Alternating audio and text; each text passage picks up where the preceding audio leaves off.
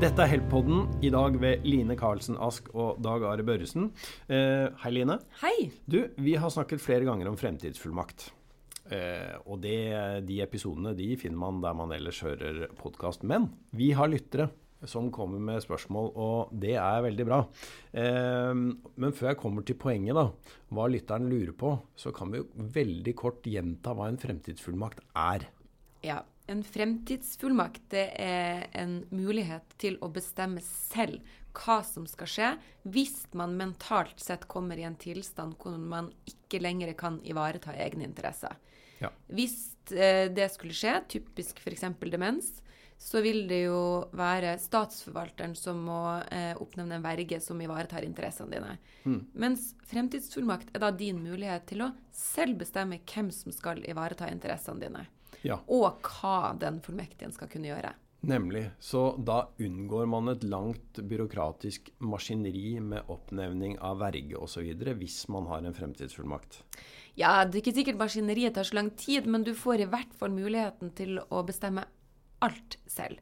Hvis ikke så er det jo vergemålsloven som setter en del regler for hva som kan gjøres, og hva som ikke kan gjøres. Mm. Mens fremtidsfullmakten kan du jo ta inn akkurat det du vil. Du kan eh, drikke portvin hver søndag hvis du vil det. Du kan eh, bestemme noe rundt eh, at du vil ha barberer til sykehjem eh, hver måned. Så det er din mulighet til å bestemme alt selv. Nemlig. Så øh, hvis jeg ønsker det, så kan jeg si at Altså hvis du er min fullmektig, da. Så kan jeg si at Line skal komme og skjenke portvin hver søndag, og hun skal betale regningene mine. Eh, og hun skal sørge for at jeg har penger i, i, til fotpleie, og hun skal gi barn og barnebarn og oldebarn og sånn bursdagspresanger og alt det der. Ja, det er typiske ting som mange vil bestemme rundt. Men er ikke det aller viktigste ofte det som har med det huset jeg nå ikke kan bo i lenger? Hva arvingene mine skal få lov å gjøre med det. Ja. Eh, det er jo det vi bruker å ha ekstra fokus på når vi hjelper til med å opprette fremtidsfullmakt. Fordi man er da kommet i en tilstand som gjør at man ikke kan ivareta egne interesser. Da er det sjelden at man har muligheten til å bli boende i huset sitt. Mm. Da må det ofte selges eller overdras til eh, barn, hvis det er et aktuelt tema. Og det må man si noen ting om eh, i fremtidsfullmakten hvis man har noen eh, ønsker om det. Mm. Men så er det, uh, mens vi er inne på innholdet, da, så er det noen som spør om uh, kan man ha flere fullmektiger? Kan jeg si at uh, i fremtidsfullmakten min da, at uh, jeg vil at uh, barn A skal være første fullmektig, og så kan jeg ha barn to og tre som nummer to og tre? Er det sånn det funker? Ja. Du kan ha flere fullmektige samtidig, og du kan også ha et alt, liksom sekundærfullmektig. Hvis A ikke kan, så Mm. skal B. Hvis B ikke kan, så skal C. Så det- går an å gjøre begge deler. Burde jeg skrive kan eller vil også, eller jeg, jeg, kan jeg tvinge noen til å være fullmektig for meg? Nei, altså når du skal finne en fullmektig, så må det jo være en person du stoler på, og det må være en person som har et ønske om å hjelpe deg med de tingene som skal gjøres. Mm. Det er jo ingen verdi hvis du oppnevner noen som ikke er interessert i å hjelpe i det hele tatt. ikke sant? Så det, det er viktig å ha noen som du har full tillit til. Man må aldri velge en fullmektig man ikke stoler på. Nei. Eh, Du nevnte også at man kan ha flere fullmektiger samtidig, men er det noe lurt egentlig, hvis de ikke er helt enige? Nei. Det, det som er litt utfordrende som har flere fullmektige samtidig, det er jo at de da må møte sammen og gjøre alt sammen. Så det vi anbefaler, og den typiske fullmakten vi oppretter, det er at man har ektefelle eller samboer som fullmektig nummer én. Mm. Og så er det jo gjerne sånn at ektefelle og samboer er like gammel. Kanskje kan den personen bli syk selv, eller dø eh, før eh, du kommer i en tilstand som gjør at fullmakten skal gjelde. Mm. Og da har de fleste da ektefelle samboer som fullmektig nummer én. Og så skriver de at dersom fullmektig nummer én ikke har anledning til å representere meg, så skal da mitt barn være fullmektig, f.eks. Men det er Ja. typisk. Og, og da velger de et barn gjerne som bor i nærheten. For hvis du bor Kirkenes, og, Mm. og fullmektigen din bor på Lindesnes, Mm. så er det jo ganske klønete i forhold til reisevei og sånn. og Skal hjelpe til med legebesøk eller liksom Snømåking. snømåking. Ja, eh, sånn at eh, vi anbefaler jo at du tenker grundig gjennom at det må være en fullmektig som du stoler på, som har litt ordning på økonomi. Og kan ja, betale regning og sørge for at det er litt ordning og reda. Ja. Eh, og en fullmektig som gjerne bor i nærheten. Men så til eh, dagens eh, spørsmål. Fordi eh, sett nå at vi har Jeg har nå fylt inn alt jeg ønsker at min fullmektig skal hjelpe meg med når jeg faller fra. Så nå er alt klart. Er det noe formkrav, eller altså før jeg kan på en måte si meg ferdig? Ja, det er formkrav. Og det er to vitner som skal signere. Du må selvfølgelig signere selv. Og så er det to vitner som skal signere. Vitnene må være over 18 år. De er nødt til å være habile. Og så er det en viktig ting som jeg må presisere, og det er at for fremtidsfullmakt så må begge vitnene være til stede samtidig med eh, fullmaktsgiver, altså du som skal signere. Eh, og grunnen til at jeg sier det så presisert, det er fordi at vi fikk en ny arvelov i 2021, og der er det nemlig for testament blitt sånn at man ikke trenger å ha vitnene til stede samtidig. Man Ja. kan gå til en nabo på fredag og en ny på lørdag og få bevitning. Der har de slakket litt på kravene. Helt riktig. Og det vi har sett, da, det er at mange eh, tar tak og, fremtid, og, og organiserer fremtidsfullmakt og testament samtidig. Og så gjør de da kanskje det at de går til en nabo med begge delene på fredag. Både fremtidsfullmakten og testamentet, og en ny på lørdag. Og da har du et gyldig testament, men en ugyldig fremtidsfullmakt. Så det er utrolig viktig.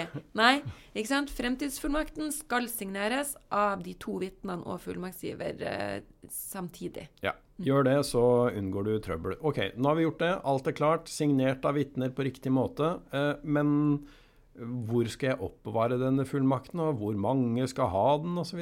Ja. Når en fremtidsfullmakt er gyldig oppretta, så finnes det dessverre ingen oppbevaringsordning i Norge i dag. For testament så har vi jo deponeringsmulighet hos tingretten. For fremtidsfullmakt finnes det ingen mulighet. Eh, og det vi anbefaler, er jo at man oppretter fremtidsfullmakten i original, beholder en original selv, men også gir en original til fullmektigen eller fullmektigene. Fordi når den skal tre i kraft, så må du ha originalen. Eh, og da anbefaler vi typisk en safe, et våpenskap, eh, som er brannsikkert.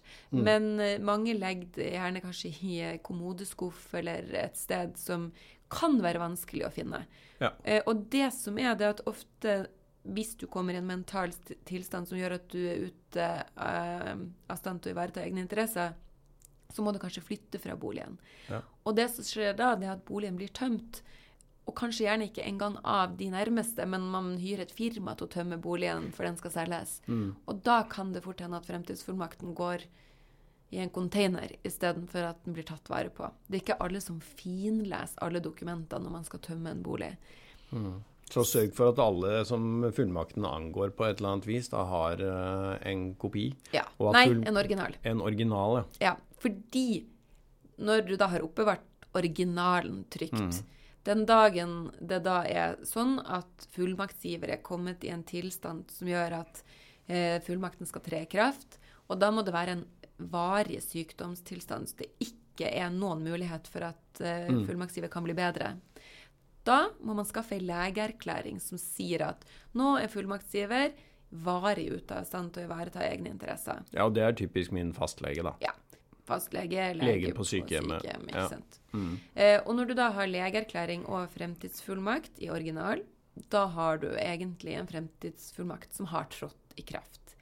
Men så har det blitt sånn at de fleste eh, krever jo nå etter hvert at fullmakten stadfestes av statsforvalteren.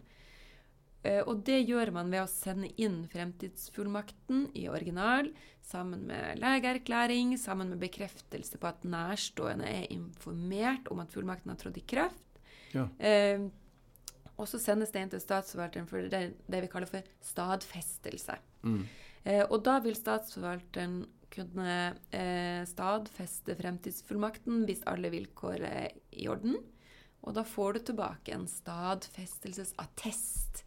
Og den attesten vil jo være det du kan bruke i banken og For å få betalt regninger og innsyn i konto osv. Ja. Og statsforvalteren vil også gi beskjed til Kartverket, til liksom de nødvendige registrene om at nå er fullmektigen legitimert til å gjøre Mm. det man skal på vegne av fullmaktsgiver. Ok, da håper vi at vi har svart på spørsmålet fra lytterne, eller spørsmålene. Du kan ha flere fullmektiger. Eh, fullmektig nummer én, to og tre kanskje. Eh, kan være praktisk. Og så har vi ikke noe sted hvor du kan oppbevare Det er ikke noe offisielt register for fremtidsfullmakter. Du må bare sørge for at de den angår, eh, har en original. Det er viktig. fordi at når man faktisk trenger den, så må man sende originalen sammen med en legeattest til statsforvalteren. Og da får man den attesten i retur, som gjør at man kan få innsyn i banken og få betalt regninger osv. Ja, få overskjøt av bolig. Over, Ja. altså det, det kan være verdipapirer, aksjer. Det kan være mange ting man er Mm. avhengig av å få gjort på vegne av fullmaktsgiver. En aller siste ting, Line. Nå kan det jo være at eh, La oss si at det er flere barn, da. Jeg er eh, fullmektig. Eh, og så kan det jo være at de, mine søsken er litt mistenksomme på hva jeg egentlig driver med. Hvordan eh, løser man det for å unngå mistenksomhet i familien? Ja, Det første du må gjøre, det er å velge en fullmektig som du tror kan være konfliktdempende av natur. Men det vi gjør som standard, det er jo å skrive noen ting eh, om innsynsrett, f.eks. Hvis du har flere barn, så skriv gjerne at eh, de andre barna som ikke er fullmektige, eh, skal ha rett til å eh, se skattemeldinger eller kontoutskrifter, alt ettersom hva du har slags verdier. Men å gi en innsynsrett vil ofte kunne dempe konfliktnivået, for da får man kunnskap. Det var eh, denne episoden av eh, Help-podden om fremtidsfullmakt, og du finner eh, mange flere episoder der du ellers hører podkast. Takk for at du hørte på.